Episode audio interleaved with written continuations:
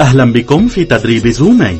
سنتعلم في هذه الجلسة عن كيف يمكن لأتباع يسوع أن يكونوا جزءا من كنيستين من أجل تسريع ودعم النمو والمساعدة في تحول عائلة روحية إلى جسد نام من المؤمنين. نتعلم من كلمة الله أن خطته هي أن نحيا كعائلة روحية. يتكلم الكتاب المقدس عن هذه العائلة ككنيسة في ثلاثة أشكال. الكنيسة الجامعة وهي جماعة المؤمنين عبر التاريخ والأحياء منهم الآن والذين سيؤمنون. كنيسة المدينة وهي جماعة كل المؤمنين في مدينة معينة. الكنيسة البسيطة جماعة من المؤمنين الذين يجتمعون معا في مجموعة صغيرة في مبنى أو بيت المجموعة الصغرى هي الكنيسة الأولية التي تمثل العائلة الروحية التي تحيا معا وتعمل بأفضل صورة حين تجتمع معا.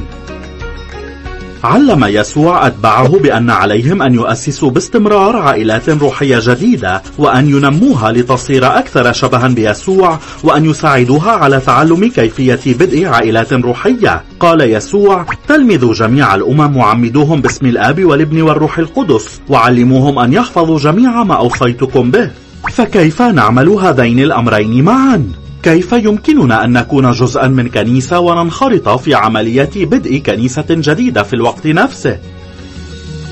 تخيل كنيسة أساسية مكونة من أربع عائلات فقط بحيث يشير كل رمزين إلى الزوج والزوجة اللذين يقودان عائلتهما كل الأزواج جزء من كنيسة واحدة هذه هي عائلتهم الروحية النامية هؤلاء من يعيشون معهم الإخوة والأخوات الذين يشجعونهم في المحبة والأعمال الصالحة. ولكن يعمل كل زوج وزوجته أيضا على تأسيس عائلة روحية جديدة. هم يساعدون في تقديم نموذج والمساعدة في بدء عائلات روحية وتنميتها. تخيل كنيسة واحدة فقط تبدأ أربع كنائس في الوقت نفسه. بهذه السرعة يمكن لله أن ينمي عائلته. وهكذا يمكن للكنيسة أن تزيد سرعة نموها. في جلسة سابقة تعلمنا عن دورة التدريب. نموذج مساعدة مشاهدة مغادرة. ونعرف أن النموذج والمساعدة مرحلتان قصيرتان بهدف إبقاء الأتباع الجدد في حالة صحية سليمة وتنميتهم في الإيمان.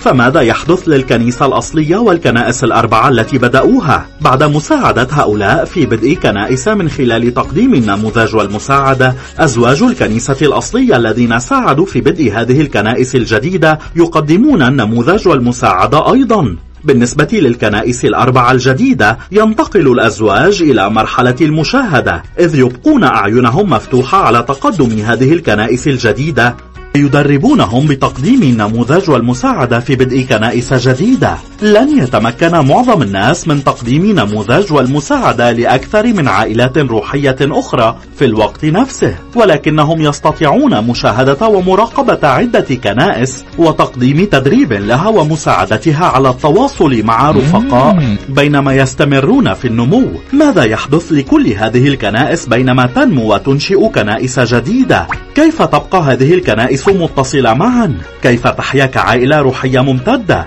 الجواب هو أن كل هذه الكنائس تشبه الخلايا في جسم ينمو ولذا فهي مرتبطة في كنيسة المدينة أو المنطقة. الكنائس في علاقة ارتباط معا إنها تتشارك بالبصمة الوراثية الروحية نفسها. مع بعض الإرشاد تجتمع هذه الكنائس معا كجسد أكبر لعمل ما هو أكبر.